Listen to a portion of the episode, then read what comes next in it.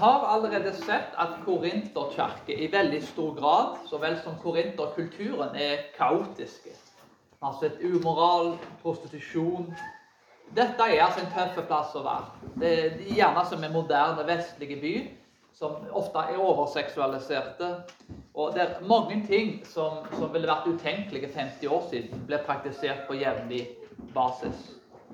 Vi har også sett at disse tingene kan være til en oppmuntring. At hvis Paulus går inn på en sånn plass, den mest syndige plassen og syndige byen kanskje som du finner på hans tid Og i Romerike hadde sunket lågt. Den mest syndige byen i Romerike det er ikke en, altså det er ikke en god by, for, for nivået var såpass lågt.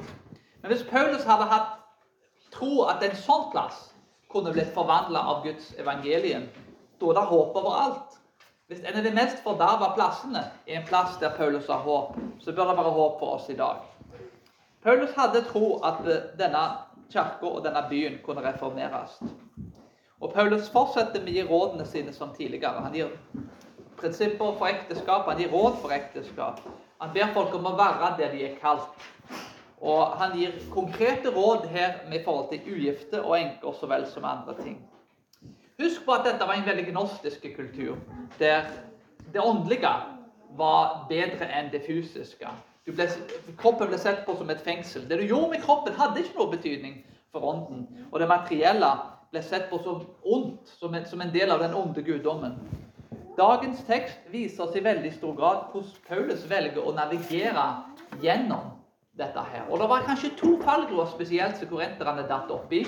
Det ene var når du ble kristen, så var det mer sånn, som kanskje mer så Augustin, at, at sex og andre ting det var, så, det var ureint. Og dermed så, så blir du en ørkenfar. Du flykter inn i ørkenen. Du kan, kan bli nonne, du kan bli munk, og du går inn i ørkenen og lever et sølibatliv for Herren. På den andre fallgrua så kan du tenke ja, jeg, det har ikke noe å si hva jeg gjør med kroppen min. Jeg vil være en skikkelig gnostiker. Du går i kirke om søndag, og det du gjør resten av uka, har ikke noe å si. Så går du og har prostituerte i, i Korint, som var veldig utbredt. Så, så, Det var de to fallgruene som begge tilsvarer at det den gjør med kroppen, ikke er viktig. Men Paulus går imot disse tingene og gir råd som viser at det du gjør med kroppen, er faktisk av stor betydning. Det er fire ting som Paulus går gjennom her. Eh, vers 25-31 gir han råd til det gifte så vel som det ugifte. Nummer to han forteller de overgi deg til Herren. Nummer tre der er både ekteskap og sølibat kan begge deler være Guds kall avhengig av situasjonen. Nummer fire en skal altså ikke skille seg da uten at det er grunnlag for det. Vi begynner med den første først. Råd til det ugifte og det gifte. Vers 25-28 så ser vi at om jomfruen har ikke noe påbud fra Herren, men jeg sier min mening, som en som av Herren har gitt miskunn til å være troverdig. Jeg mener da dette pga. nødstiden. Svært viktig. Nødstiden vi lever i, er det godt for et menneske å leve ugift. Er du bonde til en kvinne, søk ikke å bli fri. Er du bonde til en kvinne, da søk ikke uh, å, å, være bonde. Men om du likevel gifter deg, så synder du ikke. Og om jomfruen gifter seg, så synder hun ikke.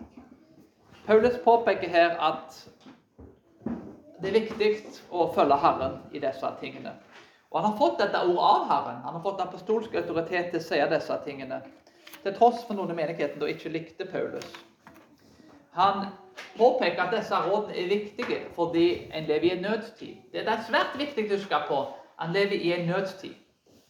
Dette er en tid der det er ikke helt likt som det er Norge i 2022. I Norge i 2022 så har vi helt andre utfordringer enn det Paulus hadde. Se for deg sjøl om du blir kristen. Familien din går imot deg. Du blir kanskje utstøtt fra din egen familie. Det kan muligens ha skjedd med Paul som jøde når han ble kristen, at han mista kanskje kontakten med sin familie. Jeg vet ikke om, om det er sant eller ei, men, men, det er ikke utenkelig at det skjedde. Se for deg sjøl at du ble fôra til løven i Colosseum. Du ble spist levende. Det var belønningen for å være kristen. Du ble drept for troen. Ikke nødvendigvis fordi du var kristen, men fordi du nekta å tilbe keiseren. Så med andre ord, da, du satte en blink på kroppen din når du ble kristen. Drep meg, nærmest. Det var nærmest at du sa at nå har du rett til å drepe meg, for nå tilber jeg ikke keiseren lenger. Så, så jeg får lovfeste drap på kristne. Dette var en del av det å bli kristen. Du ble forfulgt, du måtte gå under jorda for å tilbe Jesus. Dette er en helt unik situasjon. Det er nødstid. Det er en, en nødsituasjon. Og det er i lys av disse tingene som Paulus skriver den skriver. Det tror jeg ofte vi glemmer når vi leser denne teksten. I en sånn tid så kan det være godt for å leve ugift. En ble forfulgt, en ble drept, og da må en kanskje tenke litt annerledes enn i fredstider. Den single blir da ikke anbefalt å forandre sin situasjon, men å tjene Herren fullt i sin situasjon. Paulus godtar at til tross for nødstiden, om du må gifte deg, så kan du likevel gifte deg. Men det er noe med dette å etablere en familie i en sånn tid. Tenk om Paulus hadde hatt fem barn, ti barn. Eh, tenk om han hadde hatt to barn. Det hadde vært veldig komplisert for han å gjort det han gjorde, og reist rundt og forkynt, etablere kirker. Og jeg har jobba litt som kirkeplanter, og jeg, jeg, vet at det er, det er et veldig et, et krevende liv, da, både åndelig og mentalt. Og det, altså, en, en, del av disse tingene er mye enklere hvis en ikke har familie. Jeg er veldig glad for, sagt, å ha familie, og alle har ulike kall. Men, og nå er det jo heller ikke sånn at det blir forfulgt i Norge i dag. Men se for deg sjøl at eh, kanskje du som far kunne bli drept for troen, og familien mister faren sin pga. at han er blitt kristen, og hele familien blir kristen. Altså, det er jo ikke noe kjekk omstendighet for unger å vokse opp under. Så Paulus sier her at eh, det er kanskje bedre å fortsette i den situasjonen du er, og kanskje om noen år så kan du til og med bli drept for troen. og dermed så er det ikke så lurt alltid kanskje å etablere en familie i en sånn sammenheng. Det er noe helt annet som sagt enn i Norge i dag. På denne tida var det ikke lunkne kristne. Når du ble kristen her, så var du, du var kristen da. Det var ikke en tvil om at du faktisk var kristen. Og eh, det er mange sammenhenger der, der en blir forfulgt for å være i, i troen. Likt er det jo noen plasser i verden i dag, i Midtøsten så vel som i Kina, der du blir sterkt forfulgt for å, for å tro på Kristus. Og På sånne plasser så er det ikke lunkne kristne. Det er vanskelig for oss å relatere oss til disse tingene, for vi har ikke erfart noe lignende i Norge i samme grad. Men, men det er mange kanskje illustrasjoner der en har muligheten til, til å gi opp ting. Eh, når jeg var i England, så var vi mye på universitetene og, og vitna til folk. Og jeg husker jeg argumenterte meg inn på et universitet der, og ingenting av det jeg sa, fungerte. da. Jeg virket veldig irritert da, og ja, ikke så veldig glad for det jeg sa. Men eh, det var en annen da, som jeg har nevnt tidligere, en som heter David Bennett, og en som er uh, homofile da, levde som en homofil aktivist og skrev en bok og har vært med i en del debatter. Og han ga avkall da på å, leve ut legningen sin. Og jeg husker når han kom da, og snakket med han karen her jeg, jeg bort til han og sa at vi kunne komme bort og snakke med han, for det funker ikke det jeg sier. Men når han da delte sitt vitnesbyrd, at han hadde valgt å gitt avkall da på sin egen seksualitet og leve det ut, så var det nesten som at alle argumentene til den andre ble nøytralisert. Og det var ingenting jeg kunne si. Han var liksom satt i sjokktilstand. Her var det en fyr som var villig til, til å gi opp seksualiteten sin for, for Gud. Og det var virkelig et vitnesbyrd som påvirket han sterkt. Mye mer enn noen av de tingene som jeg kunne si. Så I dagens kultur så blir jeg kanskje ikke forfulgt, men det kan være et utrolig sterkt vitnesbyrd for folk. Det at den gir avkall på noe kulturen vår holder veldig høyt. Og seksualitet er kanskje i dag den største avguden i, i, i norsk og i vestlig kultur. Akkurat som det var i Korint. Når, når, det kommer en person inn, og jeg har truffet mange da, som bl.a. er homofile, da, og som ikke lever det ut, så er det et utrolig vitnesbyrd for folk å høre at her har du noen som, som velger å ikke leve ut legningen sin. En velger å gi avkall på noe som er sentralt og viktig. På samme måte som, som kristne i Romerriket ga avkall på livene sine. De var villige til å ofre sine egne liv. I dagens kultur så det er selvsagt andre ting som Det er ikke det samme selvsagt å ofre livet sitt. Men det er noe med dette her å gi avkall kanskje på det kulturen holder aller høyest. Og I dag så vil jeg si at teknologi og, og, og seksualitet er to av de største utfordringene som Kirka møter. Ofte så kommer de sammen. Teknologi og seksualitet blir blanda sammen. Og det er virkelig en vanskelig utfordring for Kirka å behandle. Men uansett så handler det om å la situasjonen du er i, avgjøre måten du skal uh, tre fram på. Og måten en trer fram på i dag, vil være veldig annerledes enn i Romerriket. Du vil ikke bli drept i dag for troen, men, men, du kan bli sosialt utstøtt. Du kan miste jobben og levebrød så vel som andre ting. Men det er noe med dette her å, å, å si sannheten. Og selvsagt er det situasjonen som avgjør dette. Er en singel f.eks. og ikke har familie, så, så, er det en liten lave pris å betale for eksempel, på å være, gå ut i det offentlige. Jeg tenker kanskje på Ludvig Nessa og Børre Knutsen. Børre Knutsen sin familie gikk gjennom enormt mye lidelse fordi han tok en, en, en tydelig ståsted med dette med abort. Mens Ludvig Nessa da hadde ikke familie, så han, han ble påvirka på en helt annen måte. Og det kan ikke være noe verre tror jeg, for noen, at ungene lider som et resultat av det du står for. Så igjen, Det er mange fordeler med å være singel, men, men, samtidig også det er mange fordeler med å være gift. Og det er situasjonen som avgjør dette. Men midt oppi dette her så må vi gi livene våre til Herren. Og Det er det som er det andre punktet til Paulus i vers 32-35. Der sier Paulus jeg vil gjerne at dere skal være fri for bekymringer. Den ugifte har omsorg for det som hører Herren til. Hvordan kan det være til behag for Herren? Men den som er gift, bekymrer seg for verdens ting. Hvordan skal han være til behag for sin hustru? Det er forskjell på hustruen og jomfruen. Den ugifte har omsorg for det som hører Herren til. Så hun kan være hellig både legeme og ånd. Men den gifte kvinne har omsorg for verdens ting. Hvordan hun kan være mannen sin til behag. Dette sier jeg fordi det er til gagn for dere, ikke fordi at jeg skulle sette en snare for dere, men for at dere må leve sømmelig og henge urokkelig fast ved Herren. Målet med teksten er at en skal være fri for bekymringer. Ting som kan være snublesteiner, som er med å forhindre en å tjene Herren på best mulig måte. Og Da blir spørsmålet da, hvordan tjener en Herren midt oppi dette her?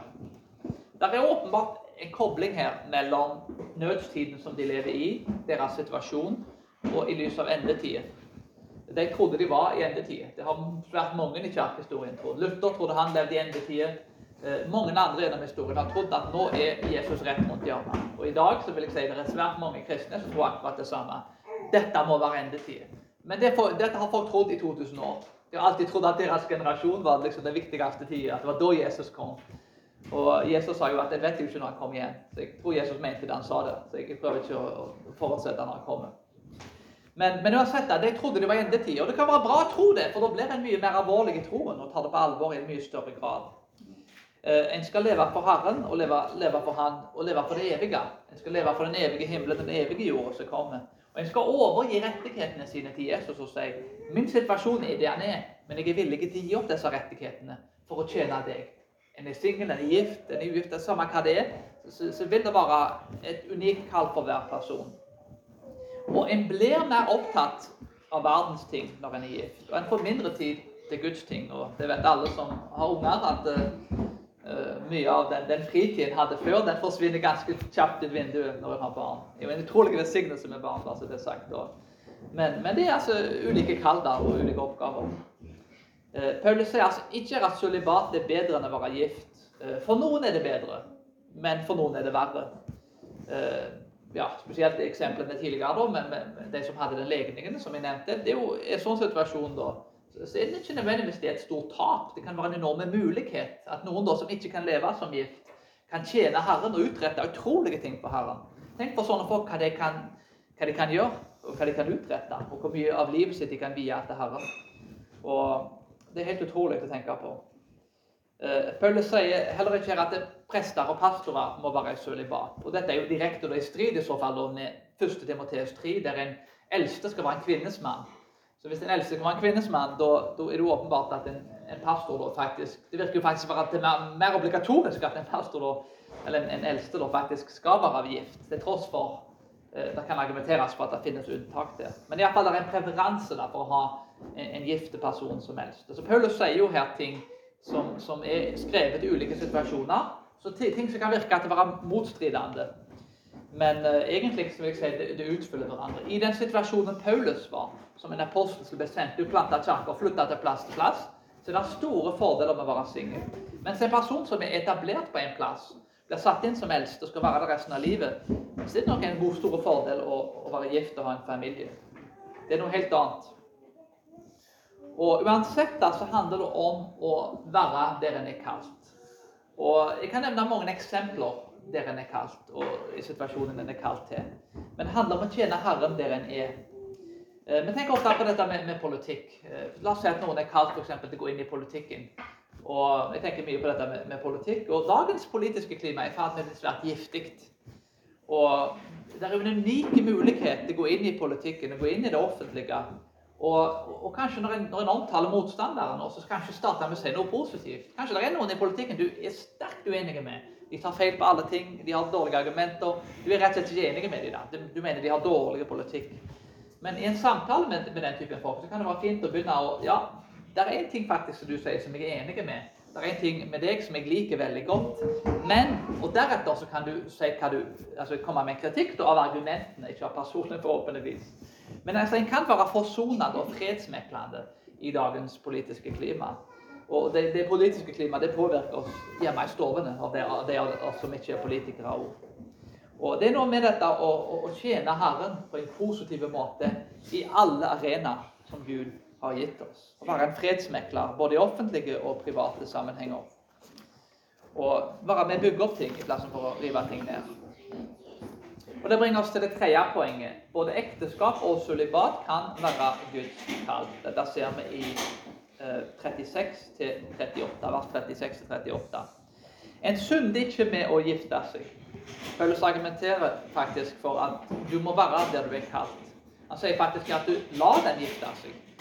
Men den som ikke gifter seg, han gjør òg vel.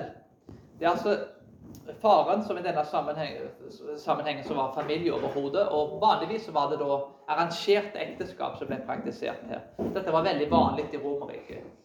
Og det var ikke sånn at folk valgte sjøl, som de gjør i dag. Eh, det er ikke sagt både fordeler og ulemper med det. Det er ikke et argument for det, men jeg bare beskriver hvordan situasjonen var. Eh, I lys av disse vanskelige omstendighetene da, så, så, så, var det utrolig vanskelig å ta et sånt valg.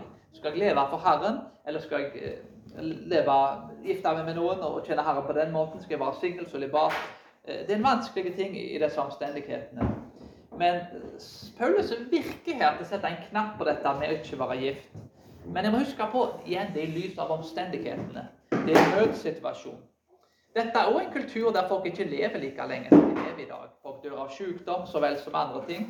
Og kvinner som gifter seg i denne kulturen, kan veldig fort dø når de føder barn. De hadde ikke prevensjon på den tida. Det var kanskje ti barn. Du føder masse barn, og dermed så, var det litt farlig å føde barn. Du kunne dø. Så, så hvis du levde da i, i så hadde du kanskje en større sjanse for å leve. Så kulturen er på en måte så annerledes at, at vi klarer nesten ikke å forestille oss hvordan, altså tenkte når en vokste opp i en sånn kultur. Men døden var altså en, en, en vanlig ting. Det var ikke norske sykehus, og det var ikke vestlige sykehus. Du hadde ikke tilgang på teknologi og medisin så vel som andre ting. Eh, dagens levealder er vel kanskje den høyeste i snitt på verdensbasis som man noen gang har vært denne historien. Og Hvis jeg da kanskje visste at jeg vet ikke hva som kommer til å skje, men jeg kanskje kan dø hvis jeg får unger, så vel som andre ting. Da det, kan det være en fristelse å gå ut i dette. Jeg skal tjene Herren, jeg skal gi livet mitt til Han fullt ut og vite at du kan vie 100% av tiden din til Herren. Og Det er litt interessant at på mange måter skulle jeg kanskje tenkt at pga. denne tenkningen da, så ble kristne mindre i tall. At uh, egentlig så ville de bli mindre da enn sine hedenske naboer. Men i realiteten så var det akkurat motsatt. Kristne ble flere faktisk enn sine hedenske naboer. Og en Måten kristendommen vokste på, var faktisk at de ble mange, mange flere. Uh, en av grunnene til dette, det er ikke den eneste grunnen, men en av grunnene var at i Romerriket så var det mindre kvinner enn menn. Uh, det var flere kristne kvinner enn menn, ironisk nok. Jeg vet ikke hvordan det to virker som er motstridende, de tingene. Men uh, i realiteten så var det faktisk sånn at det var flere kristne enn, altså de, de, vokste fortere enn andre, men, men det var altså mindre kvinner. Svært lave tall med kvinner som ble født sammenlignet med menn.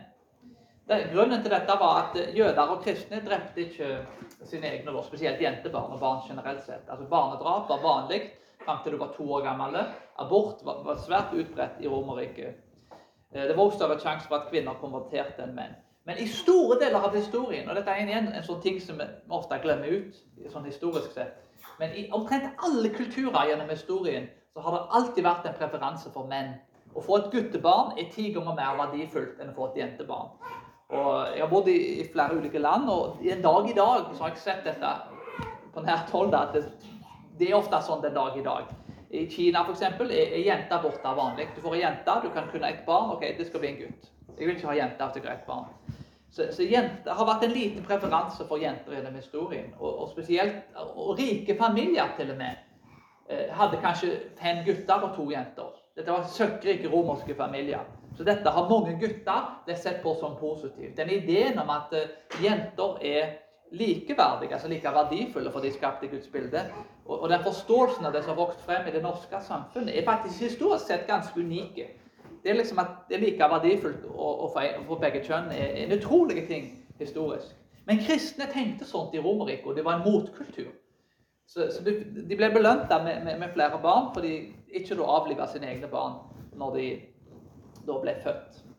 Så dermed så ble det kristne mange flere. De hadde praktisert ikke abort, ikke, ikke barnedrap så vel som andre ting. Og de vokste faktisk forbi eh, det hedenske romere pga. dette.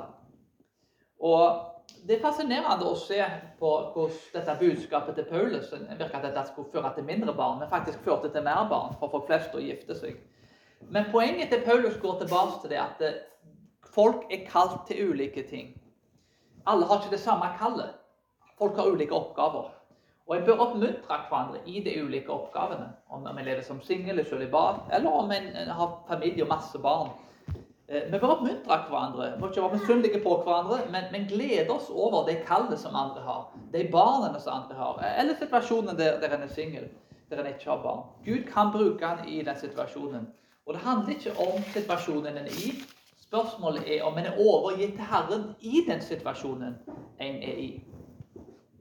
Og Det bringer oss til det fjerde og siste poenget. En skal ikke skille seg, sier Paulus i vers 39-40. Dette er et veldig sånn omdiskutert vers. En hustru står der, er bundet så lenge mannen lever. Men når mannen hennes er død, da har hun frihet til å gifte seg med hvem hun vil, bare det skjer i Herren. Men lykkeligere er hun om hun blir som hun er, etter min mening. Men jeg tror også å ha Guds ånd. Til døden skiller oss ad, sier vi jo når vi gifter oss. Idealet er jo at et ekteskap skal være livet ut. og dette er jo det beste for individene involvert, for barn så vel som for samfunnet. Og det er jo det beste for forholdet med Gud. Nå er det sånn at Dette skjer jo ikke alltid. Noen ganger så blir folk skilt.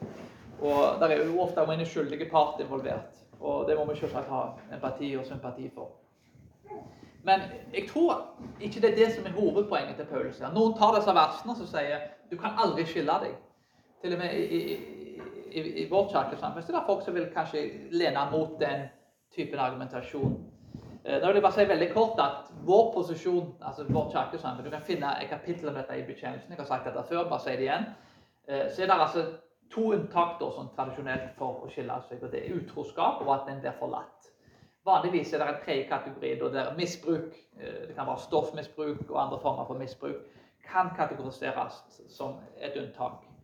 At folk kan skille seg med disse unntakene, betyr ikke at de bør gjøre det. Og Hver situasjon må vurderes av et råd av folk som er kvalifisert til å jobbe med disse, denne type ting. Så Det er veldig vanskelig ting. dette. Samme hva valget tar der, så vil det bli litt komplisert.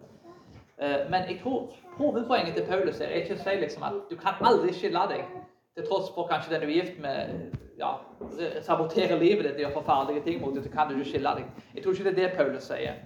Jeg tror Paulus argumenterer her mot de som vil skille seg fra verden. Det var folk i denne kulturen noen gikk til prostituerte, mens andre sier pga. at vi lever i en overseksualisert kultur, så skal jeg ja, Sex er ondt. Jeg skal trekke meg helt vekk. Jeg skal trekke meg ut i en ørken og tilbe Gud der. Og bli en ørkenmor eller ørkenfar. skulle jeg si. Tertullien, f.eks., kirkefaren, han, han, var en som gjorde det. Monatistene fikk senere innflytelse i kirka. De trakk seg helt ut av verden. Og da var det sånn at til og med gifte folk etter de ble kristne, eh, avsto fra sex innenfor ekteskapet. De mente at dette var en uheldig handling, som Augustin f.eks. mente at sex var eh, kanskje et nødvendig onde for å få barn i et samfunn, men, men, det var ikke noe bra i seg sjøl. Eh, så dermed da, så, så trakk de seg ut ifra disse kjødelige tingene. Paulus tror jeg argumenterer mot disse tingene. Eh, men når du kommer da til, i forhold til disse unntakene i forhold til skillasing, som jeg nevnte, så kan vi ikke bare ta denne teksten og si sånn er det. Vi må se på alle tekstene i Bibelen og det er flere andre tekster som, som sier at det er i alle fall to unntak i Bibelen. Så, så jeg, generelt sett med Bibelen så kan jeg ikke ta inn tekst. Eh, likt er det med eh, dette med Og det er bedre da for en som tjener Gud, f.eks., å, å leve i sølibat. Så vet jeg nå at Elster da, i 1. Timoteus 3 skal være en kvinnes mann. Så disse to tingene må jo balanseres ut og tatt i sin sammenheng. Så når en ser på helheten av Guds ord og summen av Guds ord som er sannhet, så, så, så, må jeg prøve å ta alle disse versene, sette dem sammen og prøve å finne den beste lesningen av dem. Så dermed da, så, så klarer jeg ikke helt å se at Paulus argumenterer her for disse tingene. At en aldri kan skille seg. Men jeg må ta de andre versene og, og lese dem i sin helhet. Paulus mente derimot at det kan være bedre å forbli enke om ektemannen dør, f.eks.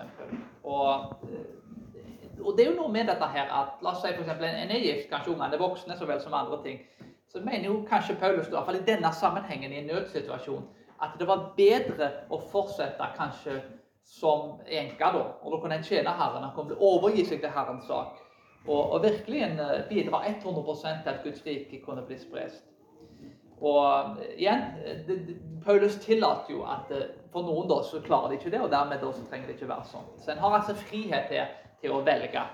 Men det virker kanskje til en viss grad at, som at hvis, hvis den giften har dødd i den sammenhengen som Paulus sier, at en da faktisk ja, kanskje forblir singel. Ja, det er et forslag, da, det er ikke et bud.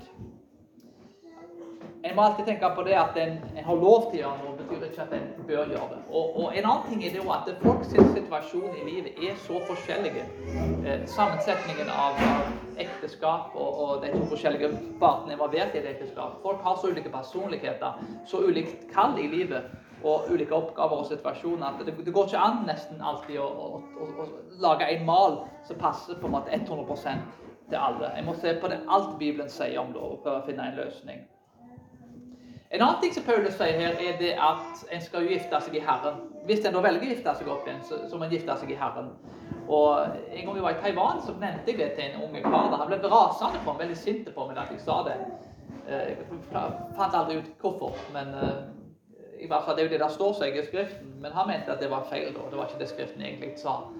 Men det er altså en regel som rent bibelsk sett med å gifte seg. En må gifte seg med noen andre som deler troen noen andre da, som, som er på, på, samme plan da, i forhold til troen på Jesus Kristus. Det er ikke noen regler å gifte altså, seg med alle raser og etnisiteter, nasjonaliteter. Det har ingenting å bety.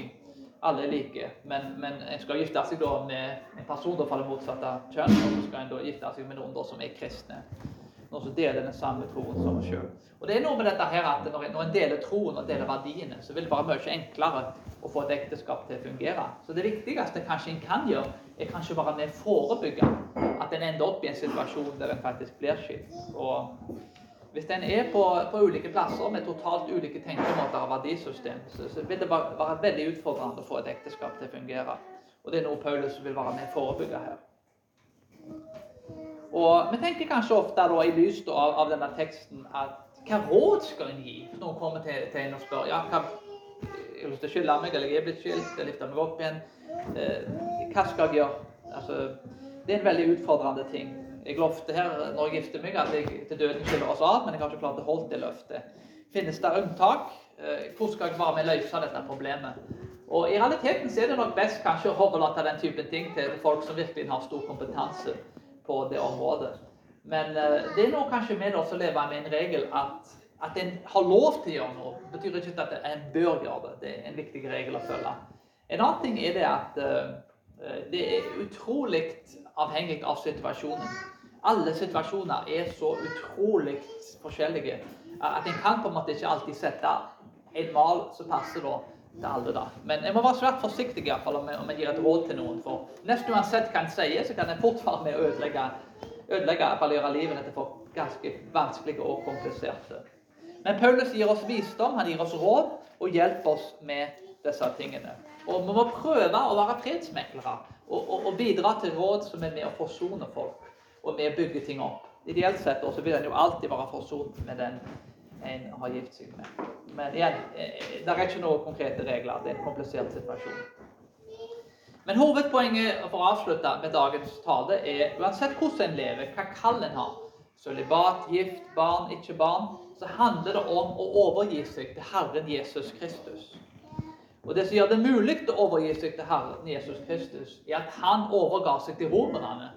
Han kom ned i denne syndige, ondskapsfulle Romerriket der folk korsfesta folk og pinte folk og torturerte folk. Og han var villig til å bli hengt på et kors for våre synder. Han ble hengt, torturert og pint for våre misgjerningers skyld. Vi fortjente ingenting av de tingene han ga oss. Vi fortjente ikke at han ble pint for vår skyld. Men han gjorde det likevel. Han ga oss sin nåde, at vi kunne sette vår lit til ham. Og han ga oss et kall i lys av disse tingene. Han har kalt oss til det vi er i den situasjonen vi er. Gjøre det beste og leve overgi oss til Herren fullt ut i det kallet. Og Han gjorde det mulig med å dø på det korset og bli oppreist på den tredje dagen. Og Han gav oss kraften til å fullføre det verket når Han lovte oss Den hellige ånd. At den skulle gi oss kraft til å være med og fullføre alle disse gode tingene. Og Han vil gi oss alt vi trenger for å gå ut i Den hellige ånds kraft og fullføre hans gode gjerning. Vi kan sette vår lit til Jesus, og vi kan overgi våre liv til ham. Og med visshet at hans plan og hans kall for våre liv, og det å oss til ham i den situasjonen vi er, vil alltid være det beste. Det vil kanskje ikke se helt likt ut for, for deg som det vil for meg, men om du overgir deg til Herren etter Hans ord, så vil det bli det beste for deg. Og med det minnet så tar vi og ber. Himmelske Far, takk for dine gode gaver. Vi ber om at du hjelper oss til å overgi oss fullt til deg, og at du hjelper oss til å forstå disse rådene og prinsippene, hvordan en skal leve, og at du viser oss den veien og anvender dette på rett måte. Hjelp oss til å finne vår kall for våre liv, og at vi er totalt